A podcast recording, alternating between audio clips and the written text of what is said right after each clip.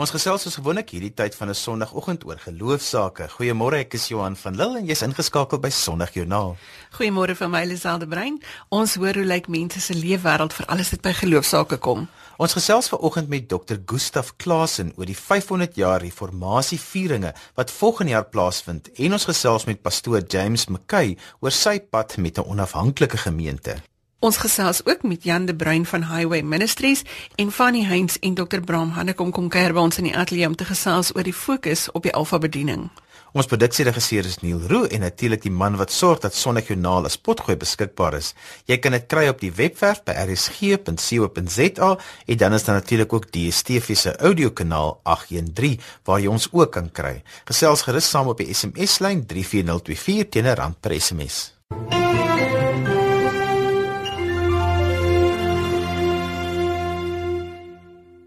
Dr. Gustaf Klasen is sekretaris van die Algemene Sinode van die Nederduits Gereformeerde Kerk en hy sluit vanoggend by ons aan om te gesels oor die kerke van die Reformatie wat volgende jaar 500 jaar vier. Goeiemôre Dr. Klasen. Goeiemôre Lisel. Die kerke van die Reformatie is besig om te beplan vir hierdie 500 jaar feesvieringe. Hoe gaan julle hierdie fees aanpak? Dis al 'n hele spektrum van aktiwiteite en uh gebeurtenisse word beplan vir volgende jaar. Ons is eintlik verskriklik opgewonde as kerke van die reformatie rondom hierdie feesvieringe vir volgende jaar. Dit gaan vir ons as kerke ook 'n geleentheid wees, kerke van die reformatie om ook weer so 'n bietjie met mekaar saam fees te vier en ons gemeenskaplikheid ook uh te herontdek en en en saam te vier. So daar is regtig waar 'n 'n groot opgewondenheid vir hierdie feesvieringe volgende jaar. Nou uh, daar is uh, heelwat prosesse aan die gang en daar word uh, baie beplan om dit regtig waar 'n jaar te maak wat uh, die moeite werd gaan wees en uh, wat gemeentes op voetsoervlak gaan help om ook die reformatie te kan vier. Iets wat so belangrik is, iets wat absoluut deel is van ons DNA, so daar word hier redelik baie beplan en is in die pipeline daarvoor. Die feesvieringe word eintlik op op verskillende vlakke is daar inisiatiewe aan die gang. Uh die NG Kerk het sy eie taakspan wat gemoeid is spesifiek om uh materiaal vir die NG Kerk te, te ontwikkel maar ook breër werk uh, die kerke van die TKR die hervormde en die uh, gereformeerde kerk werk ook op 'n sekere vlak saam en uh, dan het ons ook 'n breër ekumeniese samewerking wat ook in die vooruitsig gestel word. Nou uh, jy kan net maar vir jouself dink as elkeen van hierdie uh, kerkgroeperings iets na die tafel toe bring rondom die feesviering dan is daar regtig baie op die spyskaart. Uh, en ek kan miskien dalk net so een en ander sê wat ons van die NG Kerk se kant af uh, gaan doen. Ons het 'n hele reeks uh, oor 40 dae met die reformatie as tema wat gaan beskikbaar wees vir gemeentes. Die uh, temas gaan om die groot tema van die reformatie vrygemaak. Daarom sal ons uh, stil staan by temas soos uh, vrygemaak om anders te werk, vrygemaak om dapper in die openbaar te lewe, vrygemaak om te sorg vir God se skepping, vrygemaak om 'n nuwe lied te sing, vrygemaak om te kan bely. En ons het 12 sulke temas het ons geïdentifiseer wat uh, in hierdie 40 dae en op ander maniere aan die orde sal kom. Lisel daar sal ook uh, spesiale liedere wees wat gemeentes kan sing en dan sal daar ook deur die Bybelgenootskap een of ander spesiale uitgawe wees uh rondom 'n Bybelboek of selfs meer. Ons moet dit nog finaliseer, maar ook met 'n baie baie belangrike stuk oor die rol van Luther tot wat hy tot Bybelvertaling gemaak het. So gesamentlike dienste word beplan vir die 29ste Oktober met al die vennote in Pretoria, Bloemfontein en Kaapstad en Potchefstroom en heel mis, uh, miskien dalk ook in in Windhoek. Uh so daar word 'n hele klomp groot feesvieringsgeleenthede word beplan uh om hierdie fees uh, regtig ware luisterryke fees te maak. En al hierdie dinge gebeur in 2017. Ja, in ons eie kerk, die NG Kerk sal uh, volgende jaar die die Pinksterreekse sal ook aandag gee aan aan hierdie temas en ook uh, die week van gebed byvoorbeeld heel vroeg in 2017. En dan sal daar allerlei brosjures ook beskikbaar wees wat gaan oor uh, figure uh soos Liter en Calvin en Swingley en Hus en Melanchthon en ander uh groot hervormers. Uh so die klem is uh, op Martin Luther, maar ons ons gee ook aandag aan ander aspekte van die en figure van die van die reformatie. Al hierdie materiaal gaan op 'n uh, uh, Bybel Media se uh, webtuiste wees. Daar gaan 'n skakel wees waar predikante of belangstellings uh, kan gaan kyk na materiaal waarna hulle soek en wat hulle kan gebruik uh, vir watter doel ook al. So daar sal heelwat materiaal sal daar wees. Ons wil ook en ons wil regtig as daar kerklike denominasies is of mense of instansies is wat ver oggend luister na hierdie program en hulle het uh, ook een of ander uh gebeure of prosesse of wat ook al wat hulle beplan vir 2017 moet hulle asseblief laat weet want op hierdie webtuiste gaan daar ook 'n kalender wees wat ons soveel as moontlik wat volgende jaar uh 2017 gaan gebeur waar ook al graag op hierdie kalender wil sit. So uh as iemand op die kalender sou ingaan sou hy sien maar hierdie week is daar een of ander konsert of een of ander uh, kooruitvoering of uh, een of ander gesprek rondom die reformatie wat hy sou kon bywoon. So ons wil graag daai uitnodiging wil ons rig aan aan persone of instansies of denominasies of groeperings wat self ook hulle eie uh programme beplan vir volgende jaar. Dokter Klasen, ons praat nou van die reformatie en dis nou afgekoppel aan Luther se bydrae. Miskien moet ons net gou verduidelik wat is die reformatie wat gevier word?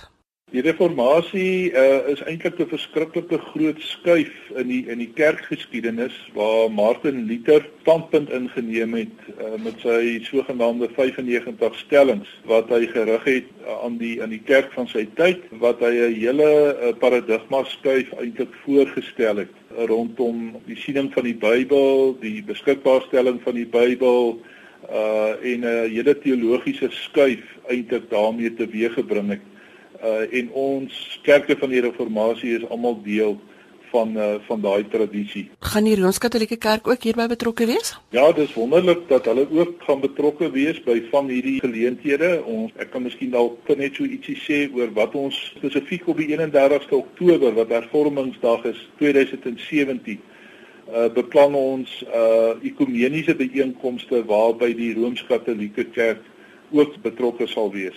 Ek weet ook uh, dat die Lutherse kerk wat ook deel is van hierdie feesvieringe, uh as deel van hulle ehm uh, feesvieringe het hulle gesprekke met die uh, Rooms-Katolieke kerk wat op verskillende plekke sal plaasvind en dit sal ook uh, op ons kalender aangedui word. So dit langstellende sal dit ook uh, kon kon bywoon. Definitief is die uh, die Rooms-Katolieke kerk ook in 'n mate is hulle ook betrokke by uh, by hierdie uh, feesvieringe.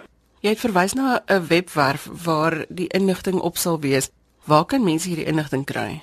Hulle moet maar net uh, op Bybel Media se se webwerf uh, ingaan en daar sal 'n skakel wees wat uh, al hierdie uh, besonderhede van programme en uh, gebeurtenisse en en en materiaal ook uh, op beskikbaar sal wees. Dokter Klassenbaai, dankie vir die samestelling vanoggend. Baie dankie Lisel en 'n uh, mooi dag uh, vir vir jou ook. Hoor. Dankie vir die geleentheid. Lisel het gesels met Dr. Gustaf Klasen van die Algemene Sinode van die NG Kerk. Dankie vir almal wat vir ons laat weet dat hulle ingeskakel is en ons sê vanoggend ook sommer goeiemôre vir die inwoners van Huis Andre van der Walt in Belwel wat vroegoggend voor hulle radio's is om na RSG te luister. Jy kan ook vir ons goeiemôre sê op die SMS-lyn by 34024. Fanie Heinz en Dr. Bram Hannekom is slaggereed vir hulle gesels oor die NG Kerk se Alpha Fokus. Hier by ons in die ateljee is Dr. Bram Hannekom van die Sentrum vir Publieke Getuienis. Môre Dr. Hannekom. Môre Lisel. En ook Fanny Heinz wat meer bekend is as sportkommentator op RSG. Môre Fanny. Goeiemôre Lisel. Ons gesels vanoggend oor die fokus op die alfa bediening waarvan Fanny aan die stuur staan, maar ek gaan eers vra Dr. Hannekom, waarom die nuwe fokus op evangelisasie? Weet jy, Lisel is eintlik nie 'n nuwe fokus nie. By die Algemene Sinode van die NG Kerk in 2007 is daar eintlik al 'n besluit geneem dat die kerk 'n nuwe seisoen van evangelisasie moet hê. Om 'n verskeidenheid van redes het die ding nie lekker van die grond af gekom nie. Die kerk het wel baie belangrike besluite oor 'n nuwe missionêre strategie en beleid geneem, maar dit voel vir ons asof ons sukkel om dit regte grond toe te vat. daarmee saam lewe ons in 'n tyd van sekularisasie. Ons lewe in 'n land met 'n sekulêre grondwet en baie gelowiges begin die vraag vra, maar kan ek nog my getuienis lewer? Die getuienis wat ek rondom Jesus Christus het. Hoe kan ek dit waardig doen? Hoe kan ek dit met liefde doen? Hoe kan ek dit met deernis doen? Hoe kan ek met begrip? Hoe kan ek dit luisterend doen? En dis amper of daar 'n onbeholpenheid by mense is en ons het geoordeel dat alfa na al ons navorsing een van die kragtigste instrumente is om presies in hierdie dag en tyd waar ons in 'n nuwe konteks lewe hierdie saak aan te spreek. Daar's ook amper 'n terughoudendheid wanneer dit kom by jou getuienisdeel, nee. Daar's absolute terughoudendheid en kan ek uh, jy tel die onsekerheid by predikante op, jy tel dit by lidmate op. Ek dink die groot uitdaging waarvoor ons nou staan is om vir uh, lidmate en predikante die vaardigheid aan te leer om inhoudelik die evangelie op so 'n manier te kommunikeer dat ons met selfvertroue oor die verlossingsdade van Christus uh te kan praat midde in 'n konteks waar ons saam met moslems en en en ander moet lewe. Kan ek miskien net 'n laaste sinnetjie maak? Ek dink dit was Martin Luther nou, hy het dit waarskynlik in Duits gesê. Ek het die Engelse vertaling gesê if you lose the doctrine of justification, you lose all doctrine. Dan gaan alles verlore. En ons worstel met hierdie saak En die vraag is hoe tree ons in gesprek met uh mense wat hulle geloof verloor het of twyfel is wat nie slegte mense is nie, wat eerlik daarmee worstelend is, hoe tree ons op 'n liefdevolle wyse in gesprek luisterend met sulke mense? Fonnie, wat is die Alfa kursus waarop jy nou gaan fokus en hoe kan dit waarde toevoeg? Alfa is 'n evangelisasie kursus en 'n hulpbron vir 'n kerk wat die ABC van die evangelie met mense deel wat nie tipiese kerklidmate is nie. Baie mense wêreldwyd het 'n het 'n sig na betekenisvolheid. Baie mense wêreldwyd het 'n geestelike honger en dors.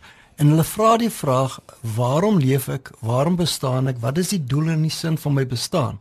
En as ek nou op Nieuweland gaan sit en ek vra vir 'n vriend van my: "Wat is die doel van my lewensbestaan?" sal hy vir my vra: "Wat het ek die vorige aand gedrink?"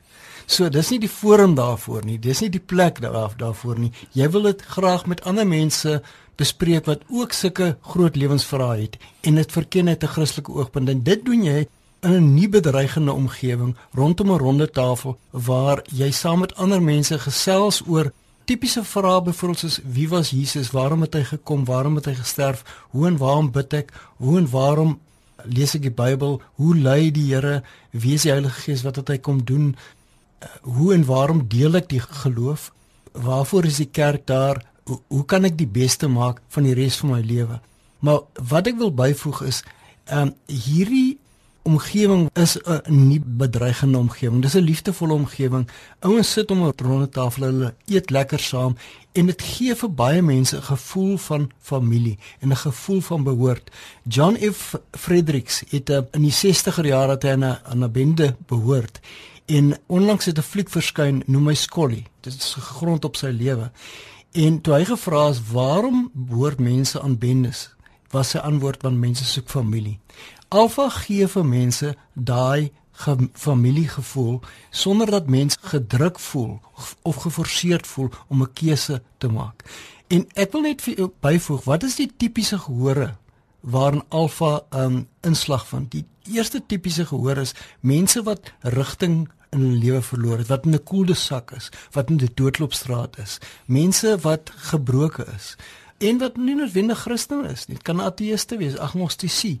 Dit kan 'n prostituut wees, gevangenes. Die, die tweede gehoor is mense wat in hulle geloofslewe vervlou het. Mense wat voel ag hulle hulle het regtig waar rigting in hulle geloofslewe verloor. In Londen is daar 29 kerksentrums gewees wat gesluit is. En Nikki Gamble die pionier van Alpha het vir, die godsdienstige owerhede gevra gee vir my daai kerksentrums. En en al 29 kerksentrums het herleef. En baie van hulle het meer as 1000 lidmate. So Alpha wêreldwyd is nie net sinoniem met 'n gesprek uh om die betekenis van die lewe te verken en om mense te vervul en mense te versadig geestelik nie. Dis ook sinoniem met onomkeerbare verandering van individue en gemeenskappe. Dit is belangrik om 'n veilige ruimte te skep, want dit is binne 'n veilige ruimte waar mense hulle eh, frustrasies en hulle probleme deel. En hierdie klink vir my asof dit 'n veilige ruimte is wat geskep word. Absoluut, Elisel. Ek onthou ek het op 'n keer na Ligie Campbell geluister en toe sy vir hom 'n vraag gevra gesê, "Wat is die eerste ding wat jy leer vir die mense wat hierdie kursus aanbied?" En dan het hy gesê, "Moenie die mense se vrae te vinnig probeer antwoord nie." asof jy al die regte antwoorde het en jy weet amper op 'n paternalistiese wyse sê man hier is die ding ons kom laai dit nou op jou af nie. En ek sê dit ook met deernis dit was dalk deel van die kerk se eie ondergang vir, vir baie lank dat ons te vinnig te gou met 'n aanhalingstekens die regte antwoorde op mense aangekom het. En dit skrik mense af. So hoe skep jy hierdie damkring waarvan Fanie praat belangrik wat jy moet verstaan alfa is nie net nog 'n program nie dit is 'n dit's 'n klimaat wat geskep word. Dis 'n hele filosofie waarbinne ruimtes en veilige ruimtes geskep word. Ja, ek dink dit is bekend gestel in aan 29 miljoen mense in 169 lande in verskillende kulture. En die belangrike ding van Alpha is dat dit so inklusief is en dat mense gemaklik voel want hierdie leier wat by die ronde tafel die gesprek fasiliteer is nie 'n Bybelstudie leier nie. Hy's nie daar om mense reg te help of oor die vingers te tik nie. Die belangrikste is dat hulle onvoorwaardelike liefde voel. En waar dit gebeur, kom daar verandering. En baie van daai groepe bestaan vir 3 of 4 jaar voort nadat hulle begin het, sonder dat ateës noodwendig 'n geloofstap neem.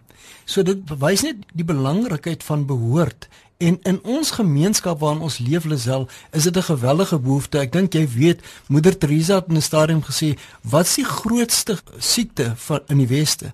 Dit is nie 'n uh, melaatsheid of vigs nie. Die grootste siekte van ons tyd het sy gesê, is mense wat hopeloos is en eensaam is en verwerp is." En die medisyne daarvoor is liefde.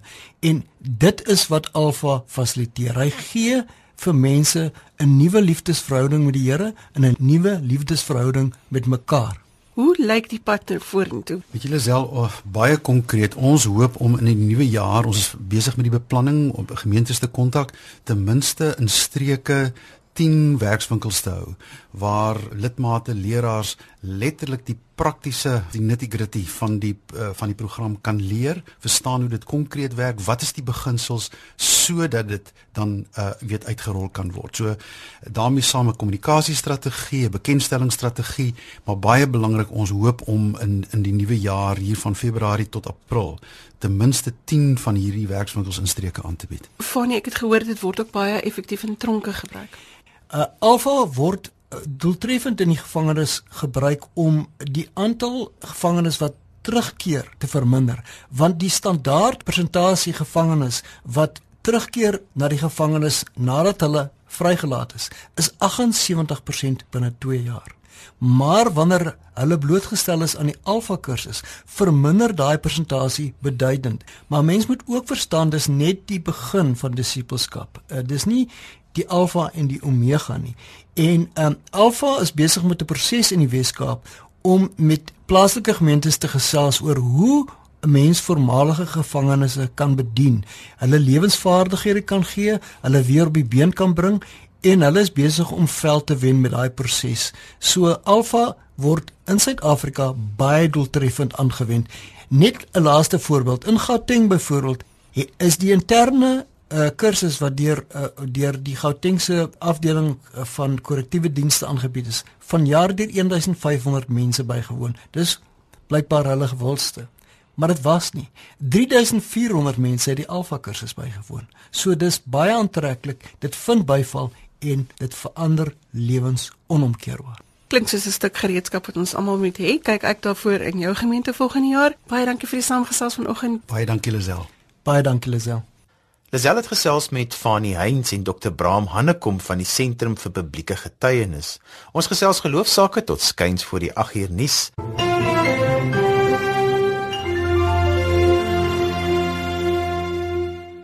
As jy nou net wakker geword het, sê ons goeiemôre. Jy luister na Sondagjoernaal saam met Johan van Lille en Liselde Brein.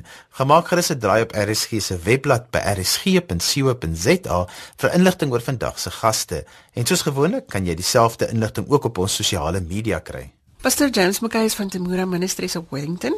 Hy kuier vanoggend by ons in die ateljee om te gesels oor wat dit beteken om 'n onafhanklike gemeente te wees. Goeiemôre James. Goeiemôre Lisa. Ek wil dan sommer met daai vraag begin. Temura Ministries, jy is nie verbonde aan een van die groot moederkerke nie. Hoe het Temura Ministries ontstaan? Weet julle selfs so uh meer as 5, 6 jaar gelede was ek in Israel op 'n stadium een oggend daar gesit langs die see van Galilea. Ehm um, die Here so innig dankbaar gewees vir vir die geleentheid om in Israel te kan studeer vir 3 maande. En uh, hierdie gedagte het by my opgekom om nie 'n kerk te begin nie, maar uh, om iets te gaan terugploeg as ek terugkom in Suid-Afrika. Ons ons jong mense is verval in dwelms en allerlei uh, dinge en ek het uh, teruggegaan na die klas en gevra wat is 'n naam vir vir 'n nuwe begin? Om te transformeer en ons het toe in die moderne Hebreëse woordeboeke gaan kyk en op op die naam Temura afgekom. So Temura beteken 'n nuwe begin. En ons het teruggekom en ek het toe met dwelm klinieke begin en as gevolg van 'n besluit wat ek gemaak het, het die dinge toe heeltemal anders uitgewerk en ons is toe 'n groot groep uh, lidmate van my vorige gemeente het ons toe um, in 2011 met 'n met 'n gemeente begin en ons het gepraat, uh, sal ons nou wat sal ons nou word en hulle het gesê jy het gekom met hierdie naam kom onder die vaandel van Temura ons begin.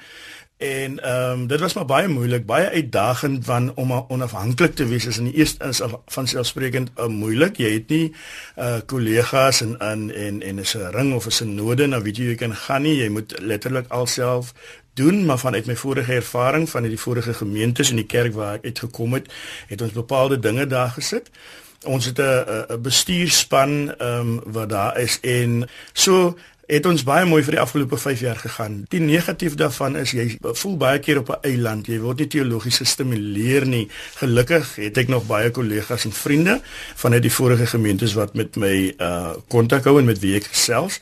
Ehm uh, maar ook binne die gemeente self het ons mense wat uh, teologie gestudeer het en uh, natuurlik op Bybelskool en 'n mens vind dit baie al hoe meer nou uh, en en ek moet nou sê in die vorige gemeentes of kerk wat ek was het ek het nie soveel gekry soos nou nie want mense mense wil weet ehm um, dit wat jy vanoggend gepraat het kom verduidelik dit baie meer en daarom hou ons ehm uh, um, het ons ook Bybelstudie groepe uh, waar ons meer oor hierdie goed uh, gesels. En en en dit is aan die een kant baie lekker dat jy weer vanuit jou erediens met Bybelstudies kan doen, maar uh, soos ek elke keer sê, die die eiland situasie is nie so lekker nie, maar dat jy ook 'n bietjie kan weier dink waar ons um, in die vorige bedeling het ons 'n herderkudde model, nou het ons 'n 'n gemeente eh, eh, bestel waar almal betrokke is.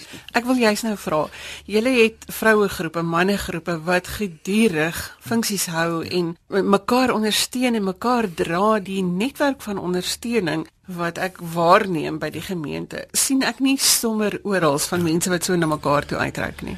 Weet jy, hulle self te moeder praat van die familie. Ons is regtig waar streef ons uh, om 'n familie vir van Christus te wees. Ondersteun mekaar op elke gebied. Ek is so opgewonde waar ons eh, 'n uh, jeuggroep het, maar na die jeuggroep het jy 'n uh, ons noem dit 'n young adult groep. Ehm um, dit is nou die mense wat amper gaan trou of nou net getrou het en hulle ondersteun mekaar. Ons het 'n manne bediening, vroue en en en hulle is absoluut dinamies met dinamiese leiers en ek as pastoor, predikant hoef nie so oral te wees nie want elke persoon neem die inisiatief. Sou jy sê dat die taal wat jy in die gemeente praat het verander? Met ander woorde die manier waarop jy met die gemeente kommunikeer of hulle met jou kommunikeer, daai dinamika, het dit verander? Absoluut kyk enige bestel en enige tradisie is goed maar jy weet self uit die prediking dat ons daar begin. Probeer ons spreek wat die die tannie van 90 jaar verstaan dan weet ons die die kind op universiteit verstaan ook vir my. So dit het ons die taal het ek in my in my prediking en die aanbieding van die prediking um, en natuurlik met vele gebed het het verander eh, en dat dat mense en selfs jong mense kinders vir jou kan kom uh, uitdaag om met met dit wat jy vanoggend gesê het Wie maak seker dat jy nog steeds suiwer by die woord hou? die meeste van ons lidmate kom van 'n gereformeerde agtergrond. Ons is nog steeds gereformeerd. Ons het so 'n bietjie charismata uh, ingebring waar ons uh, die gawes van die Gees um, laat geld. En hierdie mense en soos soos ek sê daar is selfs iemand wat teologie geswat het. Hulle sal nie dat daar 'n lering vir verkondig word en dit net laat gaan nie. Hulle sal definitief vir my stop want ons hou vir gereeld uh, vergaderings, ons ons uh, doen gereeld evaluering. Ehm um, en selfs ook wanneer predikante van uit byvoorbeeld VGK by ons kom of so sal hulle mense kom met baie duidelik agter hier is 'n dwaallering en ek omdat ek my teologiese uh, uh, opleiding gehad het by Weskaapland en ook op die kuratorium was en so is die gereformeerde wortels maar baie diep en ek maak ook seker by kollegas uh, uh, is ek nog op die op die regte pad. Baie dankie dat jy vanoggend julle belewenis en julle storie met ons kom deel het. Groot plesier, Lisel. Pastoor James McKay het gesels met Lisel oor pastoor wees in 'n onafhanklike gemeente.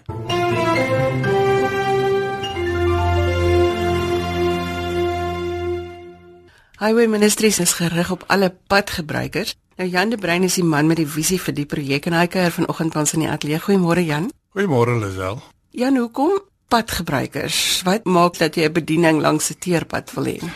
Ja, ek uh, dink dit maak seker maar moeilik sin vir mense en dit ook maar my moeilik sin gemaak. Uh ek het so in 1992 ek het, het ek baie radikaal by die Here uitgekom op die 25ste Augustus.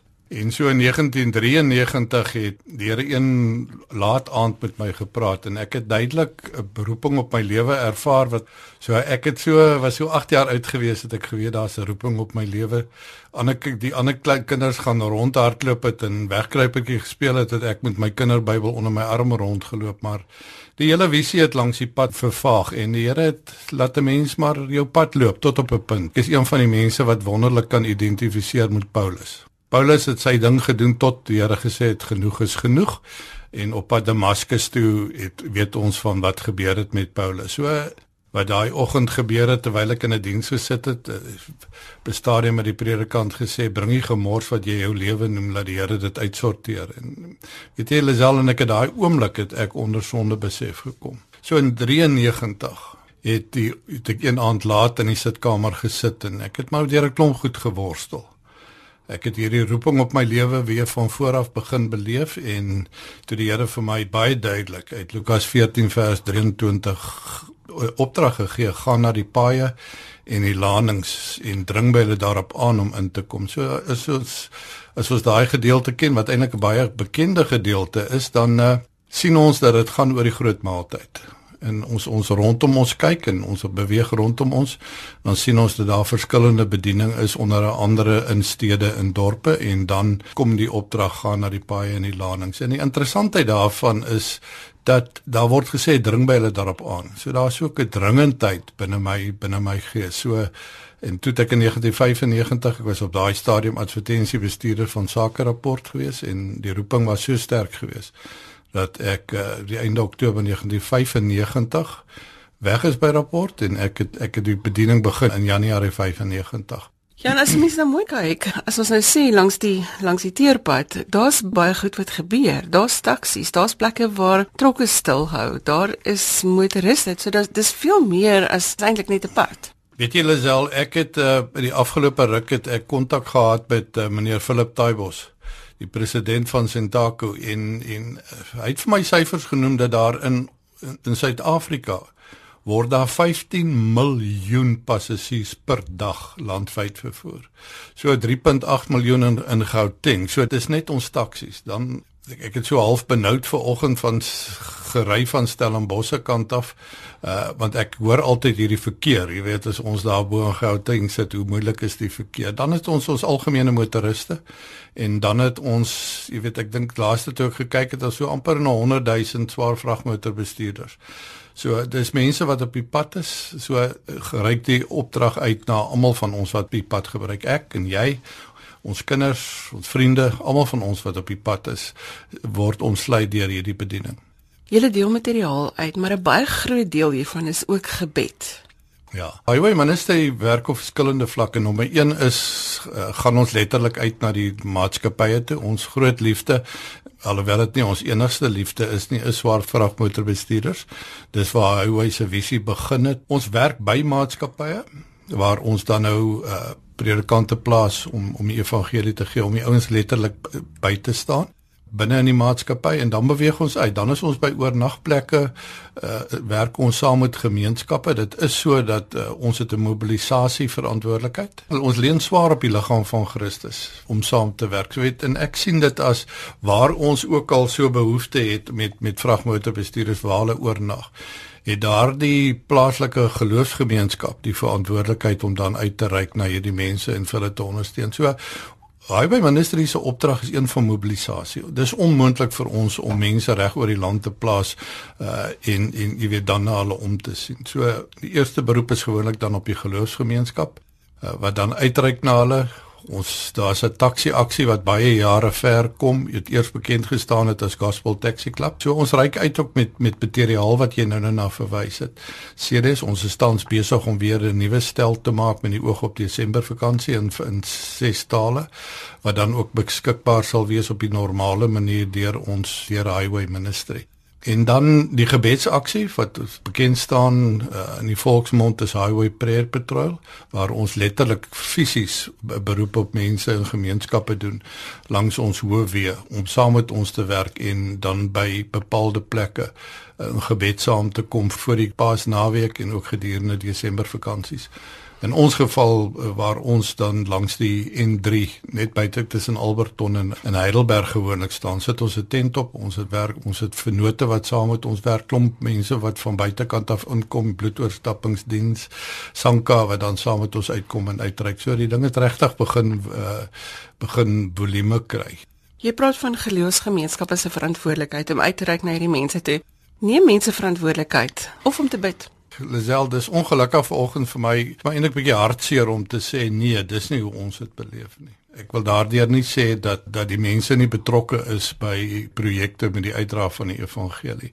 Maar ek kry dikwels die gevoel dat mense so gefokus is op buitelandse sending aksie en dat ons eie land agterweë bly. As ek dink in al die moeite en die tyd wat ek al in die verlede daar ingesit het om na, in in dorpe reg oor die land te ry en vir die ouens te sê, weet jy, Dis waarmee ons besig is. Wil julle nie by ons aansluit nie? Meer as 18000 mense sterf op ons land se paaie jaarliks.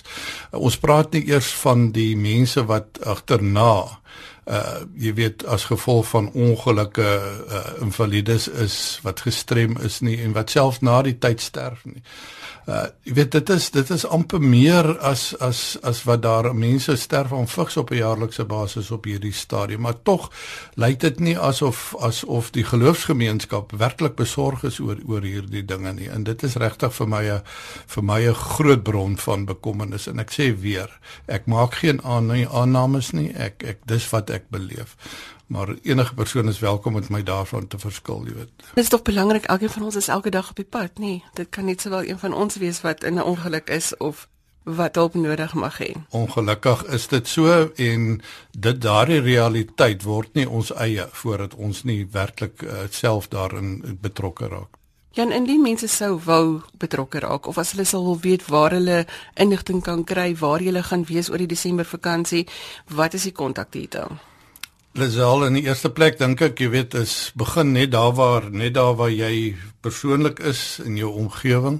Maak met ons kontak. Uh, ons het nie ons daar's nie voorskriftelik uh, ons is nie voorskriftelik ten opsigte van waar goed moet gebeur nie. Is die Here dit op jou hart lê uh, om in gebedsaksie daar naby jou te begin.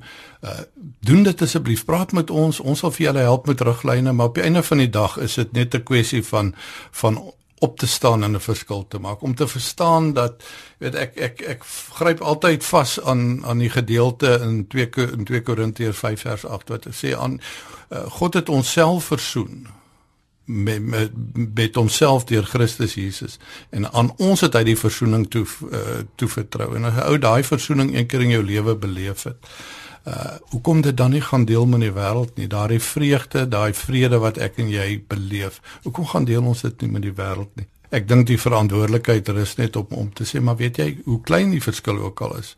Ons kan dit doen. Mense kan dan vir ons kontak Lisel by uh by highwayman dis ons uh, e-posadres highwayman dan die @teken lantic.net of hulle kan vir ons skakel by 016 dit is 'n Heidelberg nommer so ons is van Heidelberg in Gauteng 0163491996 of hulle kan vir my direk skakel op my selfoon by 083 4557814 en ons sal werklik uit ons pad uit gaan om vir hulle by te staan. Al wat ons net bid is dat hierdie boodskap vandag op uh, voorbereide harte sal val. Dankie vir die saamgesels vanoggend Jan. Baie dankie. En so gesels Jan de Bruin van Highway Ministries. Ons is aan die einde van vandag se program, so dis tyd om oor te gee aan Jermaine Hansen vir vanoggend se Bybelstorie. Van my Johan van Dil tot later vandag. Totsiens. Stuur vir my 'n e-pos met kommentaar of as jy 'n geloostorie het om met ons te deel. My e-posadres is lazel@wwmedia.co.za. Of jy kan vir ons ook 'n boodskap stuur deur die webwerf by rsg.co.za. Dis ons storie vir vandag. Ek groet tot volgende Sondag ook namens produksieregisseur Neil Roo. Tot dan, totsiens.